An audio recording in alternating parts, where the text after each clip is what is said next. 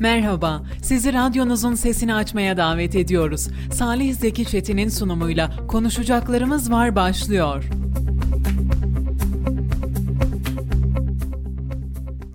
Kayseri'nin ilk ve tek haber radyosu Radyo Radar'dan konuşacaklarımız var programından herkese hayırlı Ramazanlar efendim.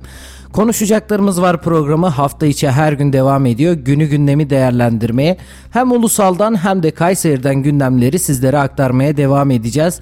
Ben Melih Kamış. Ben Salih Zeki Çetin. Salih hoş geldin. Hoş bulduk. Gündem, siyaset, deprem, Ramazan derken günlerimizde akıp geçiyor. Belki de yaşadığımız en hızlı Ramazanlardan bir tanesindeyiz. Şimdi e, zaman zaman böyle sevmediğimiz ya da istemediğimiz ortamlarda bulunurken ya da işler yaparken ya da bize zor gelen işleri gerçekleştirirken zamanın ne kadar yavaş gittiğini görüyoruz. Örneğin e, oruç tutuyorkenden örnek verelim. İftara 5 dakika kala hiç böyle adeta zaman duruyor, hiç geçmiyor gibi hissediyoruz. Ama çok sevdiğimiz bir şey ya da çok yoğun olduğumuz bir işi yaparken de zaman öylesine hızlı geçip gidiyor ki Melih gerçekten bir anda ne olduğunu anlayamıyoruz.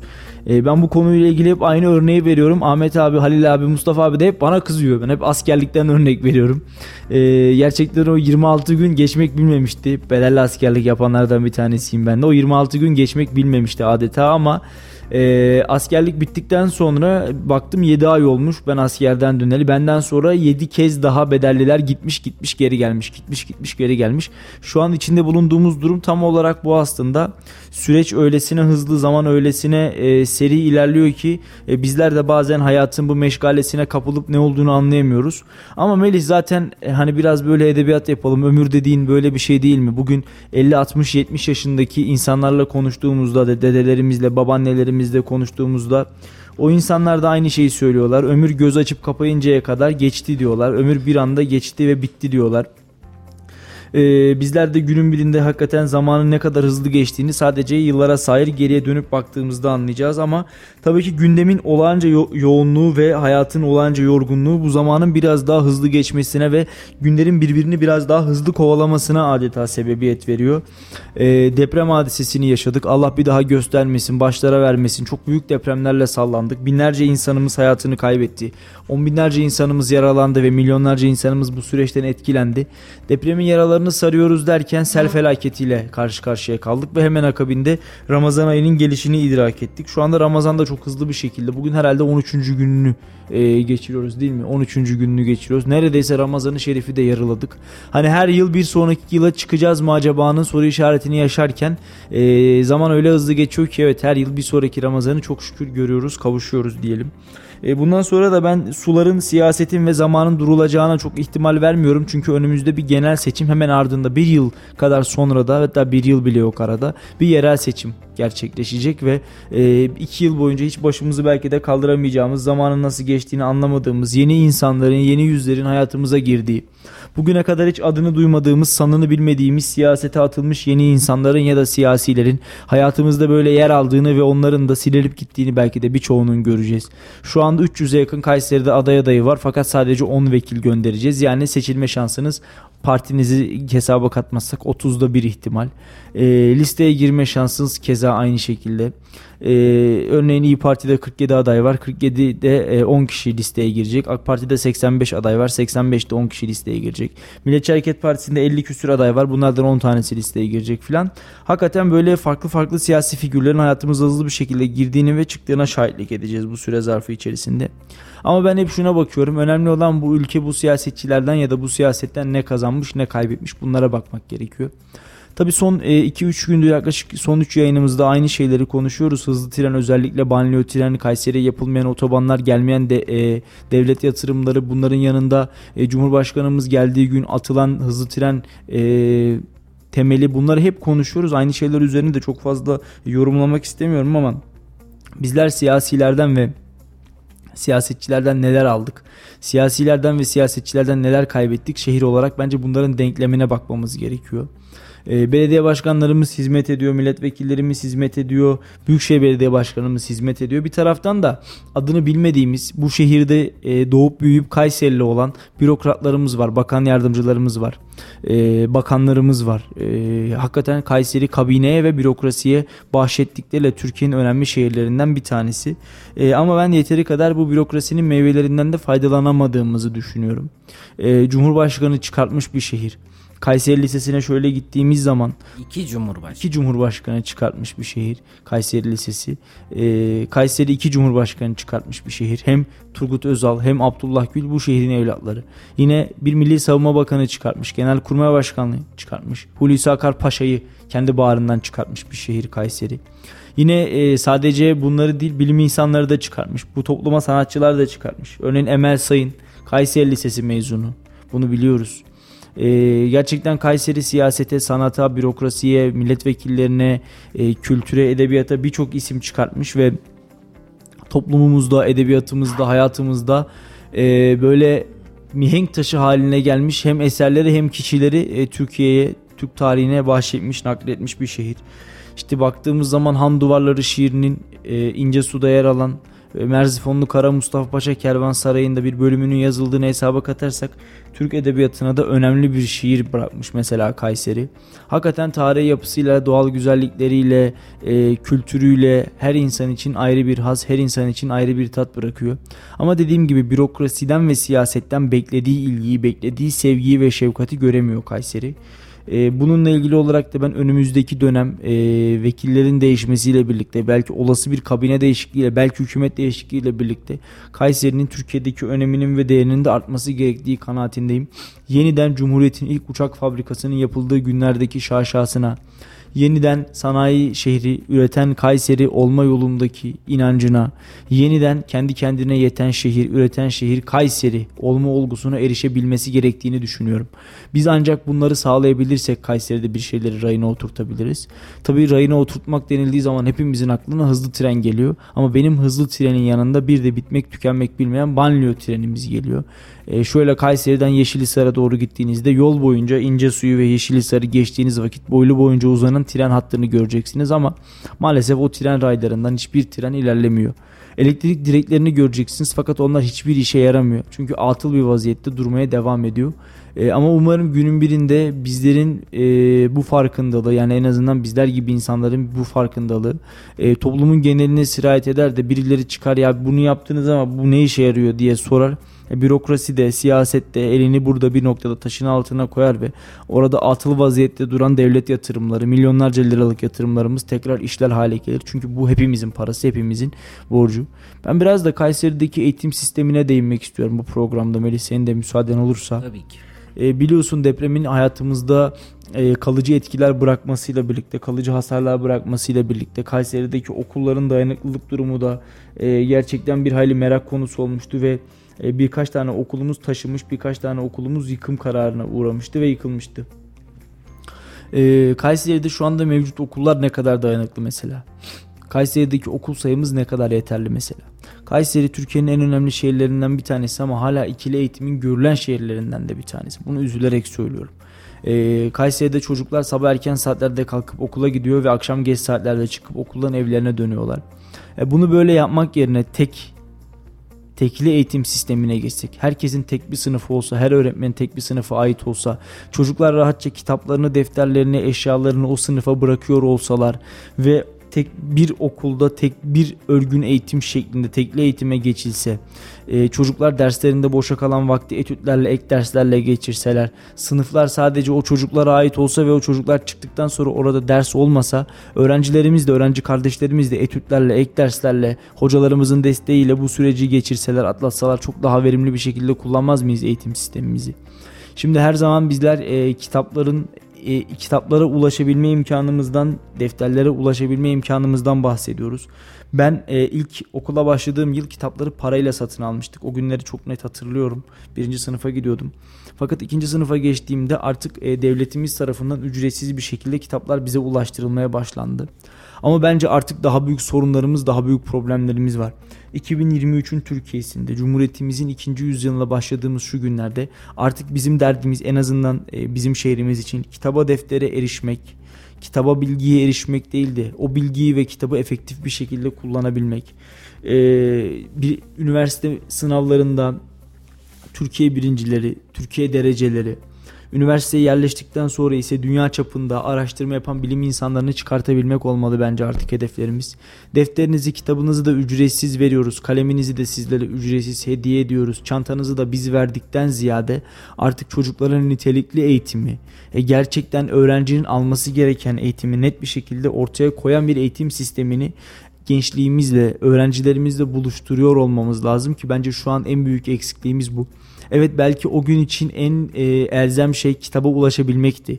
Kitaba para vermeden ulaşabilmekti. Deftere para vermeden ulaşabilmek. Çok şükür bunu sağladık. Emeği geçenlerden Allah binlerce kez razı olsun. Devletimiz çok büyük. Hakikaten ülkemizin en merkezi konumundan en ücra köylerine kadar o kitaplar basılı bir şekilde ulaşıyor. Ama dediğim gibi çağa, çağa ayak uydurmak bizim e, en büyük temel ilkemiz olmalı bence e, şu anda derdimiz kitaba ulaşmaktan ziyade o kitabın içindeki bilgiyi efektif kullanabilmek. Salih malum çok kısa araya girebilir Tabii. Bu konuyla bağlantılı Tabii. olduğu için söylüyorum.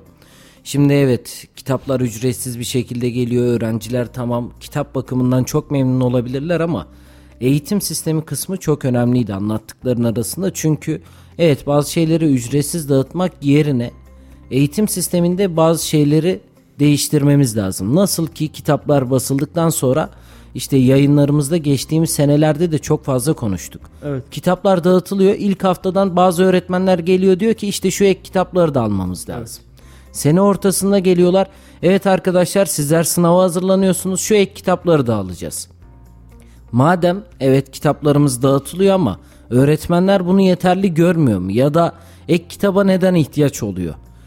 Birinci sınıftan artık birinci sınıfa kadar düşmüş. Birinci sınıftan on ikinci sınıfa kadar Evet. Öğrenciler İngilizce görüyor biliyorsun. Evet. Ama ülkemizde İngilizce konuşabilme oranı ne buna bakmak lazım. Gördük hepimiz gördük. Bizi, bizim İngilizcemiz how are you'dan, how old are you'dan, where are you from'dan, I am nice to meet you'dan öteye geçemiyor. Neden böyle? Yani e, biz sadece how are you, how old are you, nice to meet you, I am fine demek için mi 4, 5, 10, 12 yıl İngilizce derslerini görüyoruz? Yani ee, öyle zannediyorum ki Melih şimdi kendimi de öz eleştireyim. Ee, bizler 4. sınıftan 12. sınıfa kadar ben, benim okuduğum dönemde 4. sınıfta biz İngilizce görmeye başlıyorduk. 4. sınıf bak 4, 5, 6, 7, 8, 9, 10, 11, 12. 9 yıl İngilizce görmüşüm. Üniversitede de. Üniversitede de aynı şekilde zorunda. evet 10 yıl İngilizce görmüşüm ve 10 yıllık süre zarfı içinde 10 yıllık süre zarfı içinde toplam belki de 500 kez üniversite e, İngilizce dersine girmişimdir haftalık 4 saat, 6 saat, 8 saate çıkan üniversite e, İngilizce derslerimiz vardı. Belki hayatım boyunca 500 saat e, gittiğim dershane ve özel kurslar hariç 500 saat İngilizce dersine girmişimdir. Şimdi gel bana sor 500 kelime İngilizce biliyor musun? Vallahi bilmiyorum. Beni boş ver. Şuradan yoldan geçen 12. sınıf öğrencisine soralım. 500 kelime İngilizce biliyor mu? Maalesef o da bilmiyor. Yani her ders bir kelime öğrensek halbuki bir sürü kelimemiz olacak. Ama biz ne yapıyoruz? Simple present tense, past continuous tense, present perfect tense öğrencilerimizi, çocuklarımızı, geleceğimizi hapsediyoruz. Ve yarın Avrupa'ya gittiğimizde ya da yurt dışından bir turist geldiğinde ağzımızdan çıkan kelimeler how are you'dan, how old are you'dan, where are you from'dan öteye geçemiyor. Yani bu sorun, sorunsa hepimizin sorunu. Melih bu gençliğimizin sorunuysa hepimizin sorunu. Sen konuşamıyorsun, ben konuşamıyorum. E, o dersi gören kardeşim konuşamıyor. E, madem öyle biz neden bu derse vakit harcıyoruz? Neden böyle bir ders müfredatımızda var? Bizler İngilizceyi adam akıllı gerçekten çocuklara ve bizlere faydalı olacak şekilde öğretelim. Ya da hiç öğretmeyelim. Onların yerine farklı dersler koyalım. En azından verimli olsun. Atıyorum 4 saat fazladan fen bilgisi görelim. 2 saat fazladan tarih dersi görelim. Örnek olarak söylüyorum. Ama her birimiz ortalama 10 yıl İngilizce dersi görüyoruz. Ve where are you from'dan öteye geçemiyoruz. Bırak where are you from'u bir turist konuştuğu zaman onun konuşmasından ne söylemek istediğini bile kelime kelime ayırt edemiyoruz. Çünkü bizler sadece kitap ve kalıp cümlelere bağlı kalıyoruz. Kalıplara bağlı kalıyoruz. İşte dediğim gibi geçmiş zaman, gelecek zaman, geniş zaman, simple past, continuous tense'ler ve bu tense'lerden öteye bir şekilde bizler geçemiyoruz. Halbuki eğitim sistemi bu olmamalı. E, matematik mesela Melip En son ne zaman matematik dersi gördün? Benim herhalde 8 yıl olmuştur. E, yıllara sahip. 7 fo- yılda benim Heh. var işte. Yani bak foklar vardı, goflar vardı, işte e, trigonometriler vardı, şunlar vardı, bunlar vardı. Üçgenin iç açıları toplam vardı. Ben şu an bunların hiçbirini kullanmıyorum mesela. Yani biz eğitim sistemimizi maalesef kitap ve kalıptan öteye geçiremiyoruz. Orada gördüğümüz İngilizce, orada gördüğümüz matematik, geometri hayatımızın birçok alanında işimize yaramaz halde. Üzülerek söylüyorum. Bak kendi zamanımdan da biliyorum. Yani bu şu anki dönemde vardır yoktur bilmiyorum ama SBS vardı benim dönemimde. Şu anda e, LGS var. LGS mi var? LGS. Değişmediyse LGS var. Ben çok hızlı değişti sistem. Ben o yüzden ayak uyduramadım. Şimdi ortaokulda hocalarımız bize dersi anlatırken işte bakın arkadaşlar bu konuya dikkat edin. Bu kesinlikle SBS'de SBS'de çıkıyor. Tamam dedik SBS'ye girdik liseye geçtik. Lisede çalışmalar devam ediyor. İşte hoca geliyor derse anlatıyor. Arkadaşlar bu konuya dikkat edin. Bundan işte benim dönemimde YGS vardı. YGS'de bundan 3 tane soru çıkıyor. Bu konudan 5 tane soru çıkıyor. Hep biz önümüzdeki sınava göre ezbere bir yöntemle yaptık. E tamam bu bu sınavda çıkıyor ama önümüzdeki dönemlerde nerede nasıl işimize yarıyor? Bu eğitim vardı ama öğretim aşamasına çok fazla geçebildiğimiz kanaatinde değilim ben. Melih şöyle çok da umurumuzda olduğunu sanmıyorum bu noktada. E, sınav ağırlıklı gidiyoruz. Yani sınavda işimize yarayacaksa, sınavda varsak sadece e, o konuyu önemsiyoruz. E, örneğin felsefe dersinden atıyorum 5 soru mu çıkıyor, 10 soru mu çıkıyor. E, kendi ilgimiz yoksa birçoğumuzun çok da umurunda olmadı bence felsefe dersleri ya da e, farklı dersler. Eğer sınavda çıkmıyorsa o konu örnek veriyorum Selçukluların kuruluşu çıkıyor ama yıkılışı yoksa sınavda biz Selçuklu'yu kurduk ama yıkamadık. İşte Osmanlı Devleti'nin yükseliş dönemi varsa sınavda Kanuni'yi de bildik, Fatih'i de bildik. Hatta yeri geldi gemileri karadan da yürüttük. Ama Lale Devri yoksa mesela bilmedik. Ya da 2. Mahmut'un ıslahatları çıkmıyorsa sınavda öğrenmedik. Bugün Osmanlı'ya şapkayı kim getirdi diye sorduğumuzda bir garip getirdi deriz herhalde. Ya da din düşmanı biri getirdi deriz herhalde. Halbuki şapka kanunu Osmanlı'da şapka 2. Mahmut'la e, ıslahatlarla gelmiştir. Yani bizler yalnızca ders aralarındaki anekdotlarla bu bilgilerimizi geçtik, gördük ve artık unuttuk. Hiçbir işimize yaramadı, kullanmadık. Ama e, eğitim sistemimizin dediğim gibi bunlar yanlışları, bunlar sıkıntıları. Güzel olan şeyleri var mı? Mutlaka var. Zaten bunları da söylüyoruz. Yapılanları söylememek yapılmış olana ve edilmiş hizmete ihanettir diye düşünüyorum. Ha bunları söylemek, dile getirmek gerekiyor. Ama bir yerde bir yanlışlık, bir eksiklik de varsa bence bunları da gönül rahatlığıyla söylemek gerekiyor. Çünkü senin geleceğin, benim geleceğim, hepimizin geleceği. Bu ülkede yaşıyoruz her birimiz.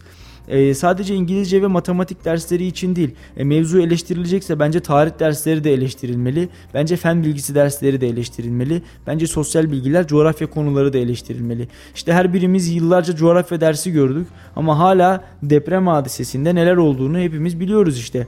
Ee, ya da hepimiz yıllarca ilk yardım gördük. Deprem tatbikatlarına bağlı kaldık. Ama geçtiğimiz aylarda bir deprem oldu ve sonuçlarını hep birlikte gördük. Seninle birlikte depreme nerede yakal ikinci depreme nerede yakalandığımızı ve çök kapanı nasıl yapamadığımızı, oradaki insanları nasıl yapamadığını hatırla Melih.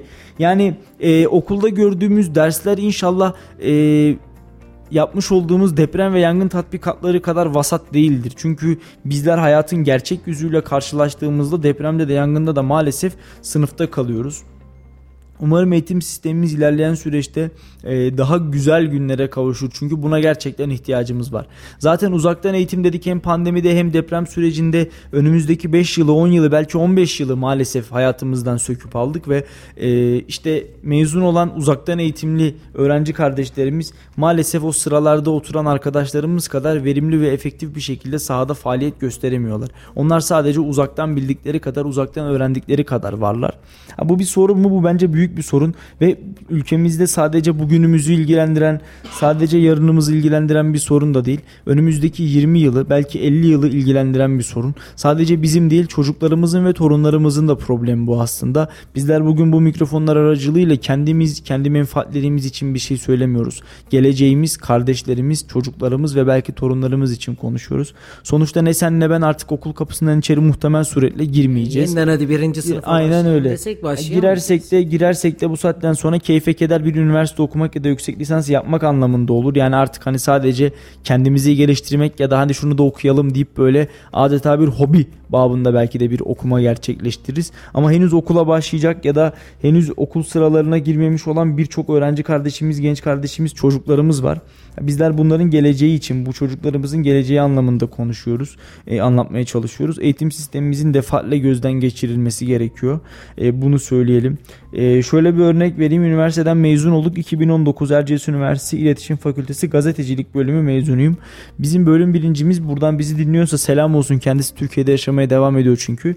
E, Peter Bubinza oldu. Tanzanyalı bir arkadaşımız. Kendisi Tanzanya'nın bağrından kalkıp gelmiş Kayseri Üniversite okumaya ve fakülte birincisi olarak üniversiteden birincilikle mezun oldu.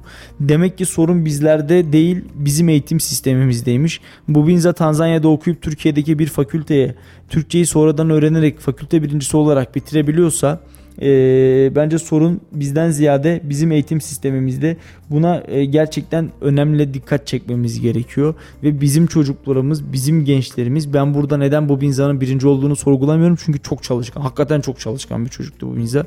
Ama bizim de ondan aşağı kalır bir yanımızın olmadığını düşünüyorum ve bizim öğrencilerimiz de bizim kardeşlerimiz de birinci olabilir. Ee, bunun için yapmamız gereken tek şey bence eğitim sistemimizi biraz gözden geçirmek. Ee, aksi takdirde yarınlarımız ve ondan sonraki günlerimiz ciddi manada sıkıntıya giriyor. Ee, iktidar yarın kim olur bilmiyorum. AK Parti de olsa, X Partisi, Y Partisi de olsa bence eğitim konusunu defaatle ele almalılar ve e, yıllara sahip hepimizi kurtaracak bir eğitim politikasıyla yollarına devam etmeliler. Çünkü e, özellikle son 5-10 yılki eğitim planı belki de Cumhuriyet tarihinin yapılmış en kötü eğitim planlaması olabilir. E, bakanlık nezdinde de eğitim kalitesi nezdinde de öğrenci kalitesi nezdinde de her geçen gün düşüşe uğradığını düşünüyorum.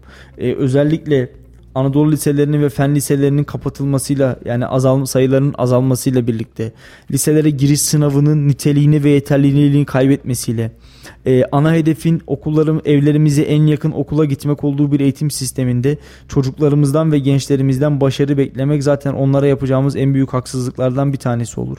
E, benim zamanımın en iyi okulları şimdi evlerine en yakın öğrencilerle dolu ama başarısız öğrencilerle de dolu aynı zamanda. Eskiden okuduğumuz lisede bir nitelik bir nicelik olurdu.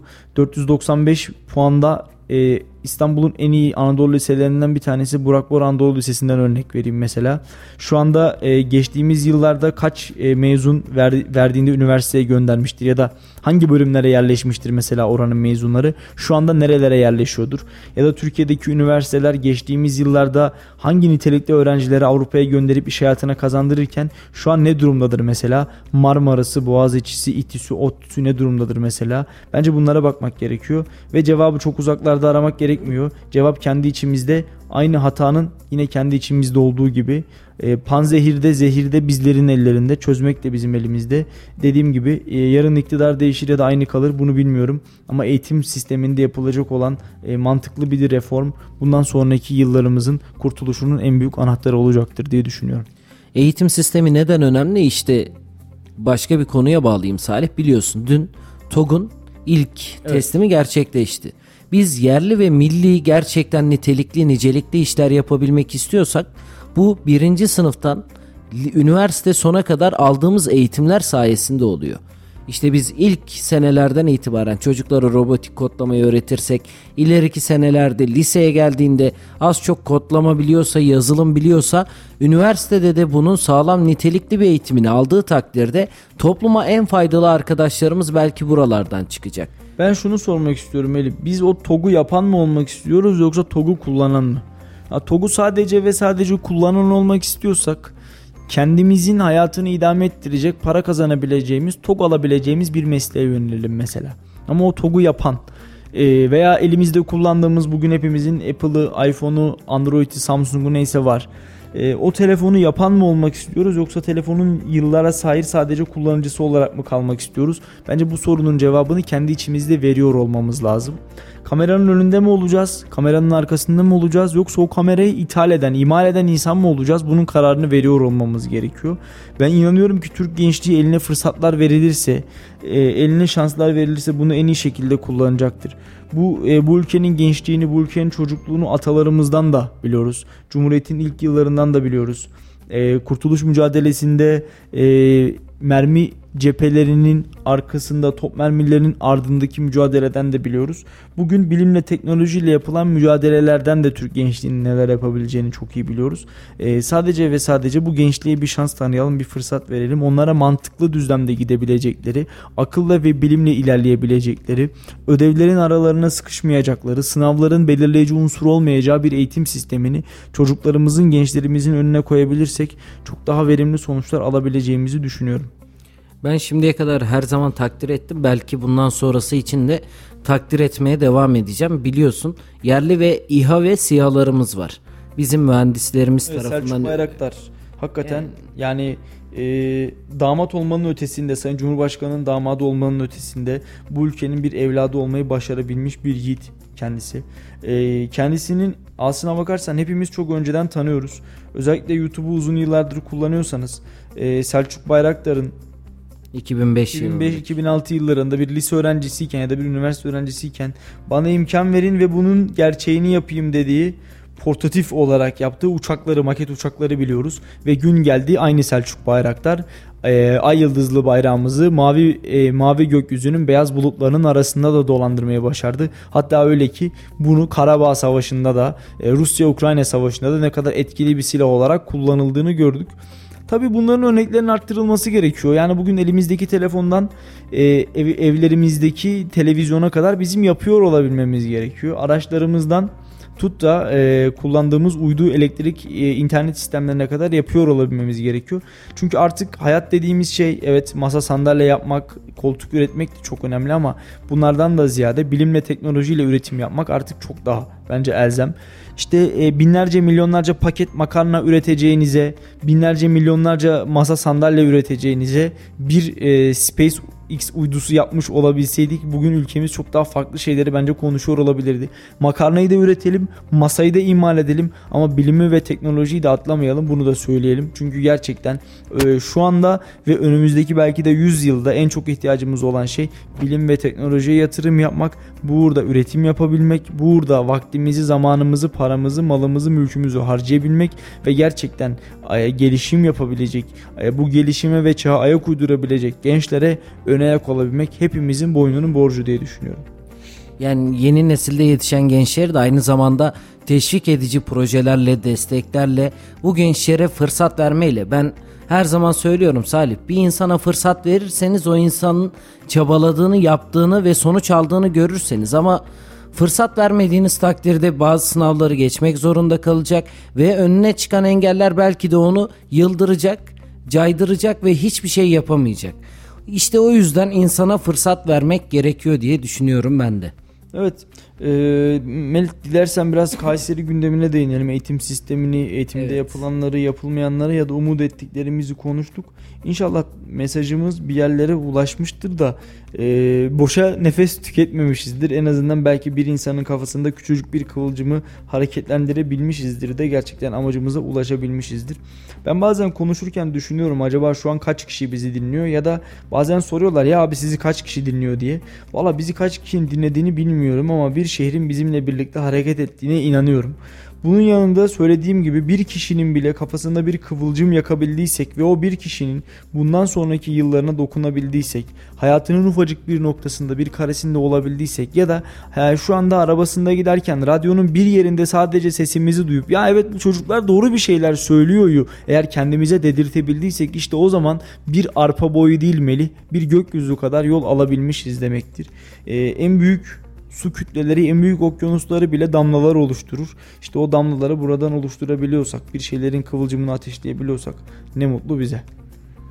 Evet, Kayseri gündemine geçelim o zaman. Ee, öncelikle bir vefat haberi vardı. Onunla başlayalım. Evet. AK Parti Kayseri eski milletvekili Mustafa Duru dün hayatını kaybetmişti. Bugün de Duru e, valilik önünde bir cenaze töreni düzenlendi. Cenaze tören, töreninin ardından da Bünyan'da toprağa verilmiş oldu. Allah rahmet eylesin. Allah'tan, mekanı cennet olsun Allah'tan rahmet dileyelim. Mekanı cennet olsun.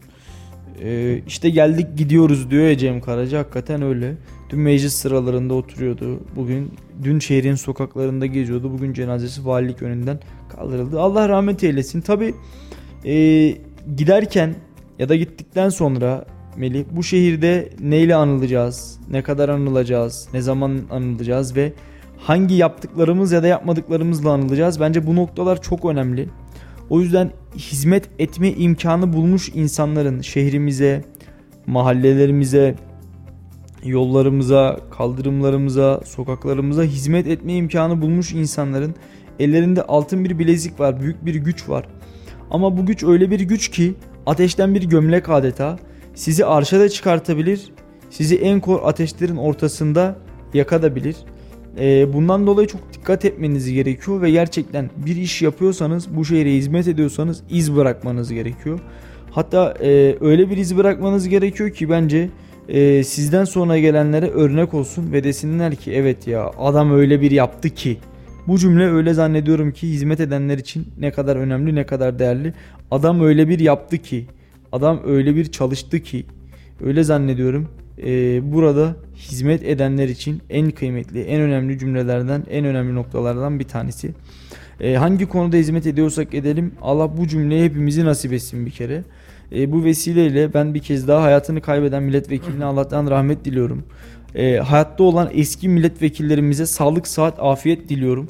Ee, eski vekil olmayı düşünen, emekli olmak isteyen vekillerimize de bundan sonra torunlarıyla, çocuklarıyla, aileleriyle sağlıklı ömürler diliyorum e, önü açılan ya da e, yeni vekil olmak isteyenlere de muvaffakiyetler ve başarılar diliyorum. Zamanı gelince sahneden çekilmeyi bilmek çok önemli E, bu bağlamda hep konuşuyoruz ama yine söyleyeceğim. Hatta belki seçime kadar söyleyeceğim. Belki seçimden sonra da söylemeye devam edeceğim. E, hizmet ettiyseniz, hizmetinizin süresi dolduysa, e, emek verdiyseniz, artık emekleriniz bittiyse, e, yavaş yavaş siyasi arenadan da, şehir memleket arenasından da çekiliyor olmanız gerekiyor. E, tüm sektörlerde, tüm e, iş alanlarında gençleşmeden bahsediyoruz. Bu gençleşmenin en önemli örneklerinden bir tanesini de bence siyasi aranada görmek gerekiyor.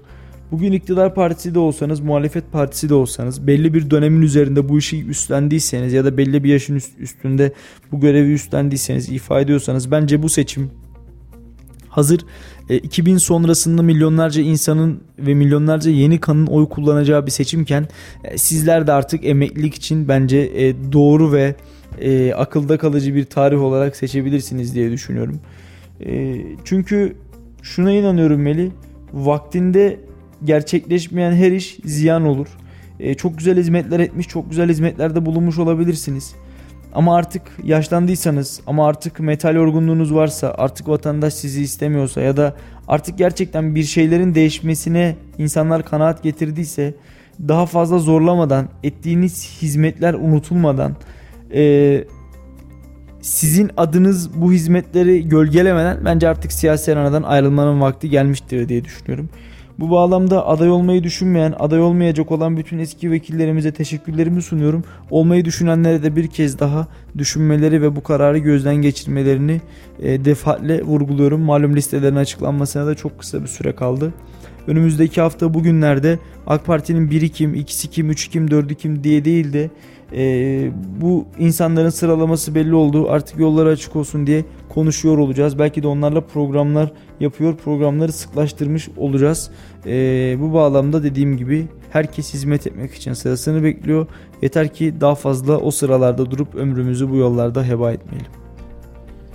Evet siyasetten madem devam ediyoruz. Bugün Kayseri'de bir bakanı misafir etti.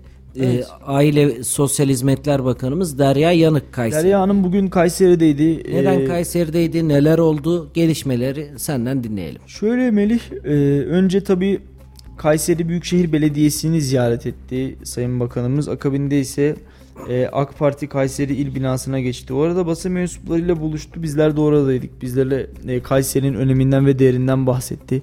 AK Parti için Kayseri'nin Anadolu coğrafyası için Kayseri'nin ne kadar önemli bir şehir olduğundan bahsetti. Tam da bugün Sayın Bakan'a bir şey söyleme hakkım olsaydı o da muhtemelen kendilerince bu kadar önemli olan bir şehrin devlet yatırımları tarafından ne kadar öksüz bırakıldığı olurdu. Ama soru kabul etmedi onu da söyleyeyim. Hani gittin de niye konuşmadın niye madem buradan söylemek kolay kendisine söyleseydin diyen dinleyicilerimiz olabilir. E, Sayın Bakan soru kabul etmedi onu söyleyeyim. AK Parti İl Başkanlığı'nın ziyaretinden sonra ise e, Kayseri MHP İl Başkanlığı'nı ziyaret etti.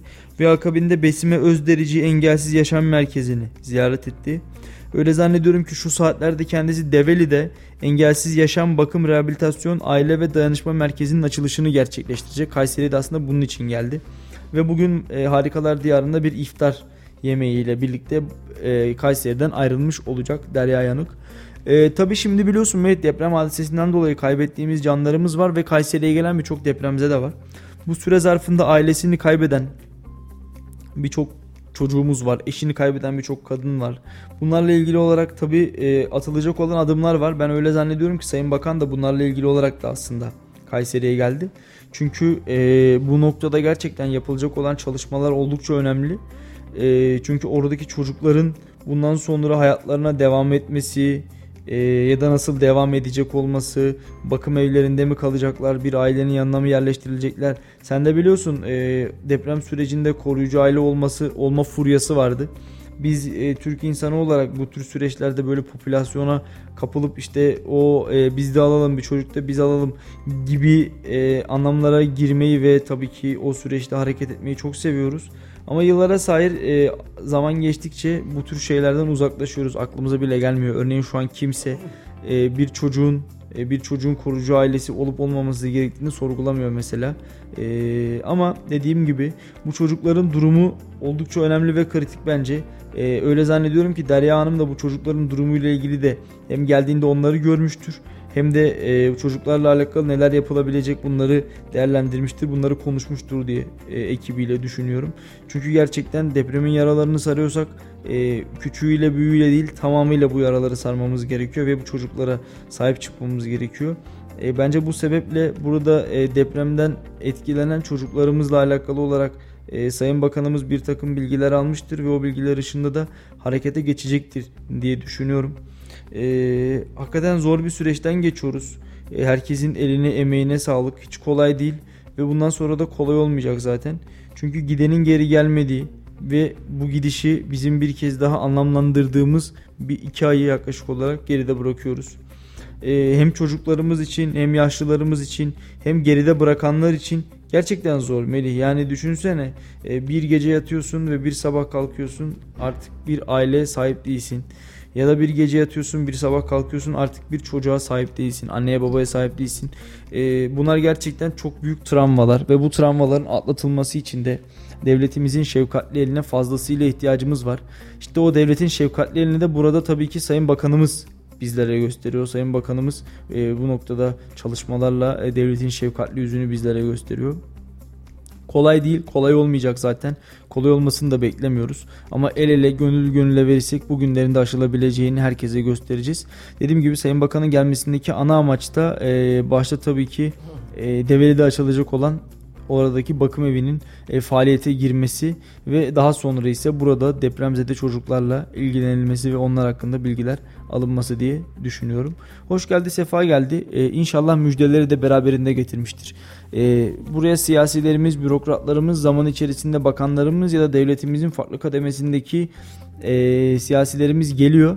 E, mevzu Kayseri'nin önemini anlatmak değil. Bizler Kayseri'nin Türkiye içinde, e, bu topraklar içinde, bu coğrafya içinde e, ne kadar önemli bir şehir olduğunu biliyoruz zaten. Ama önemli olan şey e, böylesine önemli bir şehir olan Kayseri'ye ne kadar hizmet edildiği, devlet yatırımlarından ya da e, devlet hizmetlerinden Kayseri'nin ne kadar faydalandığı. Ya bu bağlamda evet Kayseri'nin önemini her daim soralım, her daim anlatalım, dinleyelim ama bunlardan da önemlisi bu şehrin aldığı ya da alacağı hizmetleri hep birlikte ölçelim, biçelim, tartalım. Tartalım ki yarın çocuklarımıza daha güzel bir Kayseri, daha güzel bir ülke bırakabilelim. İnşallah bizim de bakan işte böyle önemli kişiler geldiğinde en çok beklediğimiz şeylerden bir tanesi de müjde oluyor.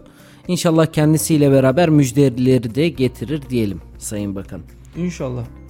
Evet dün biliyorsun Sarız İlçe Başkanı Genel Yayın Yönetmenimiz Mustafa Bayram ve Hunat TV Genel Yayın Yönetmeni Kürşat Açıkgöz'ün Sarız Belediye Başkanı. Sarız Belediye Başkanı Baki Bayrak evet. yayın konuydu.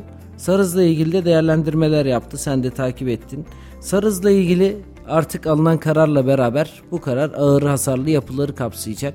Dünkü programla ilgili var mı söylemek istediklerin? Yani e, ben dün bir şey söylemiştim. Bugün yine aynı yerdeyim. Hani gitmesek de görmesek de orada bir sarız var diyoruz ya. Hakikaten orada bir sarız var. Melih ve e, o sarıza sahip çıkmamız, o sarızı anlatmamız, o sarızı dile getirmemiz gerekiyor. Sadece sarız özelinde de değil. Yani Kayseri'nin ciddi manada birçok noktası bu süreçten etkilendi.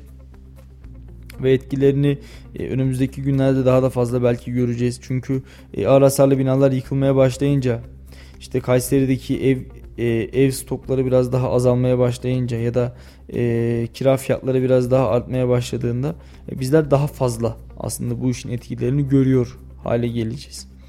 Tabi e, tabi durum böyleyken tabi durum böyleyken şunu da altını çizmekte fayda var. E, sadece sadece Sarız ya da sadece Pınarbaşı sadece Bünyan üzerinde değil Kayseri genel mahiyetiyle bir afet kapsamına girdi. Ama e, bu tür bazen bize uzak olan, e, kilometre olarak uzak ama gönlümüze yakın olan ilçelerimize daha fazla ilgi göstermemiz gerekiyor. İşte Akkışla gibi, Sarız gibi bu tür ilçelerimize önem ve ehemmiyet vermemiz gerekiyor. Biraz daha fazla en azından. E, dediğim gibi Baki Bayrak'a kulak verelim, Baki Bayrak'ı dinleyelim. Aynı şekilde Ayhan Arslan'ı da dinleyelim, ona da kulak verelim. Hani deprem olmuyor, akışta sallanmıyor diye. Orada e, her şey dört dörtlük güllük gülistanlık değil. Oradaki insanlarımızın da ilçemizin de ihtiyaçları var. Onlara da kulak verelim. İnanıyorum ki daha güzel bir Kayseri'yi hep birlikte sağlayabiliriz. İnşallah Salih. Bugün aslında önemli günlerden farkındalık amacıyla önemli günlerden bir tanesi. Sokak hayvanlarındaki yaşanan eziyeti işte barınaklarda olan olayları e, dikkat çekmek amacıyla 4 Nisan Dünya Sokak Hayvanları Günü olarak e, anılıyor, kutlu, evet. kutlanıyor demeyelim buna. Ve bizim de burada kendi barınağımız da var. Kayseri'de de sokak hayvanları var. Ve biliyorsun Konya'da geçtiğimiz aylarda bir olay yaşanmıştı. Sokak hayvanları ile ilgili. Bugün bu yüzden çok önemli. Çünkü insan olarak dünyada sadece biz yaşamıyoruz canlılarla beraber yaşıyoruz. Bugün de anılması gereken ve farkındalık amacıyla oluşturulan özel günlerden bir tanesi. Sadece bir gün değil işte bugün andık işte tamam farkına vardık tamam geri kalan 364 gün tamam yokmuş gibi davranmaya devam varsa, edelim. Ne hali varsa görsünler. Eziyet edelim. Yani Şimdi tabii e, hayvanlarla hep birlikte yaşıyoruz bu coğrafyada, bu topraklarda. Bugünün işi değil, bu yıllara sahip. Bizden önce daha farklı hayvanlar da yaşıyordu. Fosil müzesine giderseniz görebilirsiniz. Hatta bir dönem bu toprakların egemenleri onlardı insanlardan önce. Şimdi e, sokak hayvanları hususunda hani Yüce Allah nasıl buyuruyor? Onlar benim dilsiz kullarım diyor. E, bu hassasiyetle yaklaşmamız gerekiyor. Evet dilleri var. Evet belki kimi miyavlıyor, kimi havlıyor, kimi daha farklı sesler çıkartıyor ama gerçekten bizim anlayabileceğimiz bir biçimde ya da dertlerini bize anlatabilecek bir argümanda değiller. Bu sebeple hayvanlara yaklaşırken çok hassas davranmamız, çok hassas yaklaşmamız gerekiyor. İşte bakıyorsun bazen bir köpek beni ısırdı. Evet bu zaman zaman bunlarla da karşılaşıyoruz. Ama sen köpeğe ne yaptın? Bence biraz buna da bakmak gerekiyor. Ve Meli her şeyden önemlisi e, kuraklıkla, yazın çok sıcaklarla, kışınsa buz gibi havalarla boğuştuğumuz, evlerimizde oturduğumuz süreçte onlar dışarıdalar. O yüzden ben yine çareyi yineleyeyim bu vesileyle bugün de 4 Nisan olması hasebiyle. Ee, evlerimizin önüne, iş yerlerimizin önüne bir kap mama bırakalım. Bir kap yemek koyalım. Çünkü gerçekten sokak hayvanlarının buna ihtiyacı var. Ee, bu vesileyle hayvanları eziyet eden herkesi en derin duygularla kınıyoruz ve sadece bir gün değil sokak hayvanların geri kalan 364 günde de hatırlanması ve onlara yardımcı olunması, kol kanat gerilmesi hususunda çalışmalar yapılması gerektiğini söylüyoruz. Bakanlıksa gerekirse bir bakanlık, sadece bu konuyla ilgilenen bir bakanlık kurulsun. Gerekirse bu konuyla ilgili komisyonlar kurulsun ve bu sorunu hep birlikte aşalım diyorum. Ben sokak hayvanları meselesini de bu şekilde noktalayayım. Benim ayrıca parantez açmak istediğim bir nokta daha var. 4 e, Nisan 1997 yılında aramızdan ayrılan e, Milliyetçi Hareket Partisi'nin kurucusu e, lider Milliyetçi Hareket Partisi'nin lideri Alparslan Türkeş'i de fikir adam Alparslan Türkeş'i de saygı, sevgi ve rahmetle buradan anmak istiyorum. E, Türk milliyetçiliği fikrinin e, son temsilcisi diyebiliriz. Son temsilcilerinden bir tanesi diyebiliriz kendisi için. E, 4000 yıllık kadın bir geçmişin temsilcisi olması hasebiyle de hepimizin rahmetle ve saygıyla anması gereken dev insan. E, bu vesileyle ben bir kez daha 4 Nisan 1997 yılında bedenen aramızdan ayrılan e, merhum Alpaslan Türkeş'i rahmetle, saygıyla ve minnetle yad ediyorum. Mekanı cennet olsun. E, Türkçülük ve e, Türk milliyetçiliği fikri hala ayakta ve bundan sonraki süreçte de e, bundan sonraki yıllarda da ayakta kalmaya devam edecek. Sadece Türkiye Cumhuriyeti ile değil, Türkiye Cumhuriyeti'nden önce Osmanlı Devleti'nde de, Selçuklu Devleti'nde de, ondan çok daha önce de e, Türk milliyetçiliği ve bu milleti sevme fikri zaten vardı. E, her bir fert de, her bir Türk e, Türk milletinin her bir evladı da e, Türk milletçiliği fikrine bağlı ve vatanını milletini seven insanlardan oluşuyor diye düşünüyorum. Bir kez daha Alparslan Türkeş'i rahmet, sevgi ve minnetle anmak istiyorum. Allah rahmet eylesin, mekanı cennet olsun. Eski siyasetçilere baktığımız zaman çok güzelliklerle yad ediyoruz onları. Ve bizim de gelmiş Milliyetçi Hareket Partisi liderlerinden Alparslan Türkeş'in vefatının seneyi devriyesi önemli insanlardan, güzel anılan insanlardan, Kesinlikle. bu ülkeye emek veren ve değer katan insanlardan Allah mekanını cennet eylesin. Kattığı her bir değer için, koyduğu her bir taş için emeklerine sağlık diyelim. İnşallah bu gibi güzel siyasetçiler de işte eski siyasetçilerden konuştuğumuz zaman Salih TRT'deki programları izledin bilmiyorum. Yani yaşım belki yetmiyordu ama sonradan dönüp izledim. O kadar güzel tartışma programlarına konuk olmuşlar ki. Evet. İşte biri bir şey anlattığı zaman bir dakika diyor ben anlatayım yüzüne karşı söylüyor. Espri yapıyor. Seccade tartışmalarından Bay Kemal'den Bay Bay Erdoğan'dan işte daha farklı e, birbirlerini vurduklarından bence çok daha nezaket elit, ortamı. Daha nezaket ortamının olduğu bir süreci yaşamış insanlar. E, Türk siyaseti o zaman siyasetmiş bence. Türk siyaseti o zaman güzelmiş bence. Şimdi sadece insanların birbirini taşladığı, insanların birbirini küçük düşürmek için argümanlar kullandı ve maalesef bel altı vurduğu bir ortam haline geldi. E, bu durumda bizi üzüyor. Vatandaş olarak da üzüyor. Bir yurttaş olarak da üzüyor. Bir genç olarak da üzüyor. Bir basın mensubu olarak da üzüyor. Siyasette e, mantığın dilini, siyasette kardeşliğin dilini, sevginin dilini bulmalıyız. İnşallah e, önümüzdeki dönemde de bulacağız Meli. Yani e, devrin değişmesiyle, e, yeni ve genç siyasetçilerimizin gelmesiyle ben bulacağımızı umut ediyorum.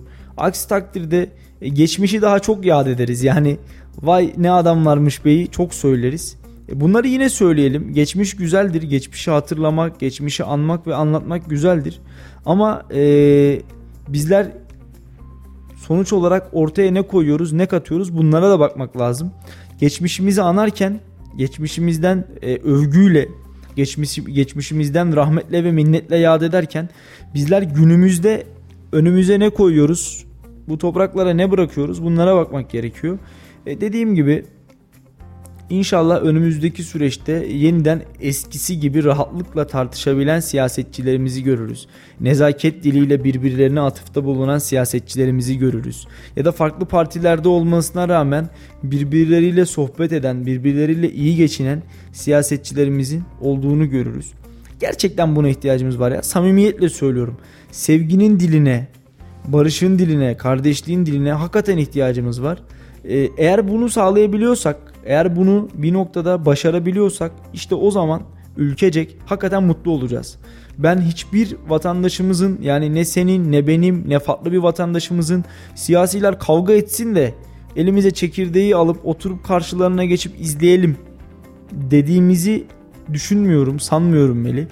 Ee, bu bağlamda da genç siyasetçilere gerçekten çok iş düşüyor. Parti ayırt etmeksizin çok iş düşüyor onlar birbirleriyle ne kadar iyi geçinirlerse, onlar birbirleriyle ne kadar hemhal olurlarsa e, vatandaş da o kadar mutlu olacak.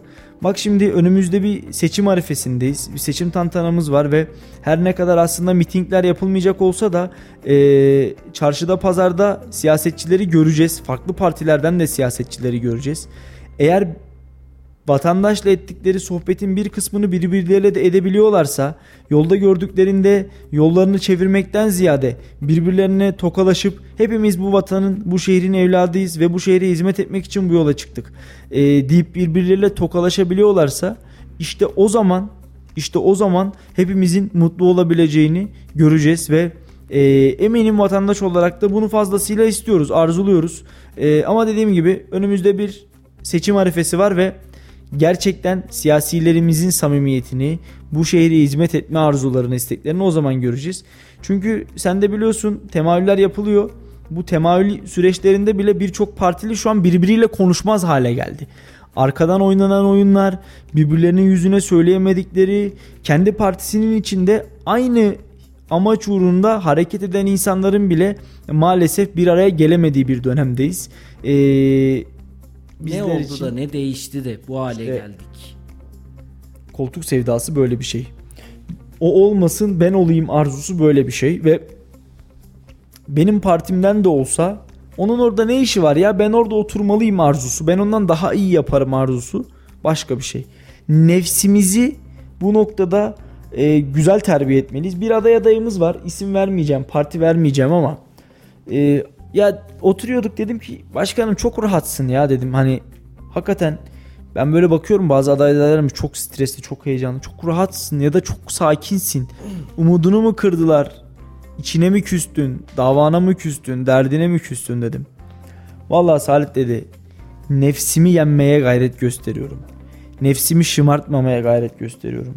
İşte 9-10 Nisan'da listeler açıklanacak. Listede olamazsak 11 Nisan'da hayatımı aynı şekilde devam etme, etmek için nefsimi tımarlıyorum.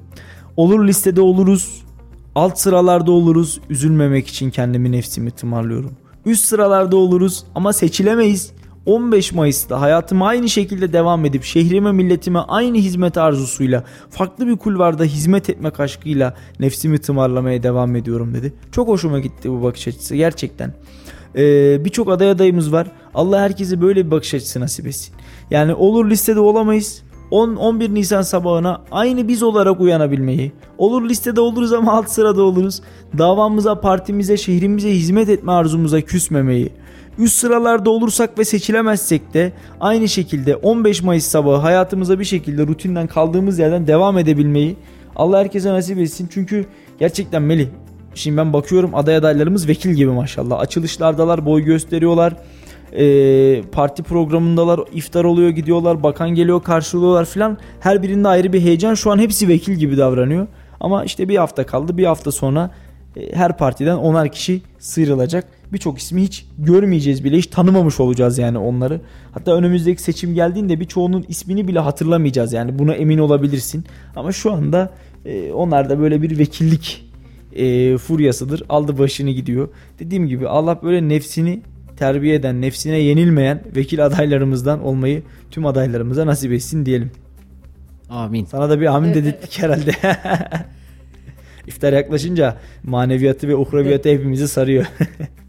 İşte Ramazan maneviyat ayı aslında en güzel yaşadığımız aylardan bir tanesi. Salih peki artık bir hafta kaldı. Haftaya da biliyorsun e, Kayseri Spor'la Fenerbahçe'nin bir maçı var. Hafta içi oynanacak mücadele. Evet. Perşembe, Perşembe günü. Biraz da Kayseri Spor'a bir parça ayıralım. Yani Kayseri Spor'la ilgili sen neler söylemek istersin? Aslına bakarsan Kayseri Spor bu yıl içerisinde bu şehrin gerçekten e, en büyük zaman ve e, dilim zaman dilimi ayırması gereken konuların başında geliyor bence. Çünkü taraftarıyla, yönetimiyle, futbolcusuyla ve teknik ekibiyle gerçekten Çağdaş Hoca'ya çok ayrı bir parantez açmak istiyorum. Teknik ekibiyle her birimizin yüreğini ve göğsünü kabartan bir futbolla e, imkansızlıklar içinde deyim yerindeyse küllerinden yeniden doğuyor Kayseri Spor. E, 7. sıradayız şu anda yanılmıyorsam ve e, Türkiye Kupası'nda da çeyrek finaldeyiz. Fenerbahçe ile oynayacağız. İstanbul deplasmanlarını severiz. Fenerbahçe'yi ayrı severiz. Fenerbahçe maçlarını Çok. ayrı severiz. E, Fenerbahçe'ye şansımız tutar. Şeytanımız tutar Fenerbahçe'ye. Ben inanıyorum ki bu e, çeyrek final mücadelesinden de Kayseri Spor e, galip gelerek İstanbul'dan dönecektir. Geçen sene Peri Masalı'nda finale kadar yükselmiştik. Geçen sene Sivas Spor'a finalde kaybetmiştik ama e, bu yıl inşallah bu yıl inşallah o peri masalını nihayete erdireceğiz ve e, geçen yıl İstanbul'da oynanmıştı bizler gidememiştik. Bu yıl Mars'ta da oynansa, Kars'ta da oynansa o finale İlyas Kaplan'ı da alıp sizi de alıp hep birlikte gideceğiz. Hem maç önü yayınlarımızla hem maç sonu yayınlarımızla inşallah e, final arzusunu, final coşkusunu taraftarlarımıza, şehrimize bu sene de yaşatmak istiyoruz ama bu sene bir fazlayla dönüp kupayla memleketimize gelmek istiyoruz. E, neden olmasın?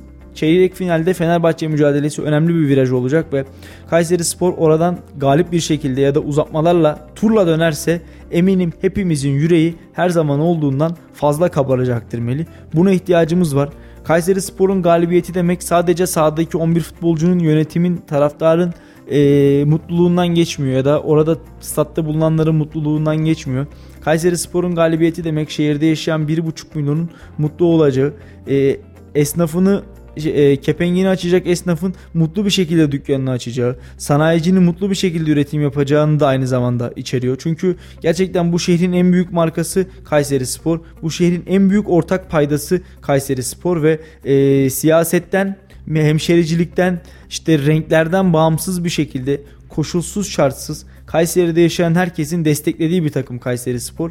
Ya bu bağlamda da Kayseri Spor'un galibiyeti ve mutluluğu e, sadece bir şehir olmanın ötesinde kenetlenmemizin, ayrıldığımız siyasette bile bir araya geldiğimizin en önemli göstergelerinden bir tanesi. Ya bu yüzden Kayseri Spor'a önce hafta içi oynanacak Fenerbahçe mücadelesinde sonra ise evimizde oynayacağımız Ümraniye Spor mücadelesinde ben başarılar diliyorum. Buna ihtiyacımız var. Galibiyete, gole ve gollere ihtiyacımız var. İnanıyorum ki bu şehrin çocukları şehrin ihtiyaçlarını karşılayacaktır ve önce İstanbul'dan galibiyetle turla döneceğiz. Akabinde ise Ümraniye Sporu kendi sahamızda mağlup ederek e, olumlu yükselişimize bir noktada devam edeceğiz. E, sezonu kaçıncı bitiririz bilmiyorum. Bugün başka bir yerde sohbette de söyledim.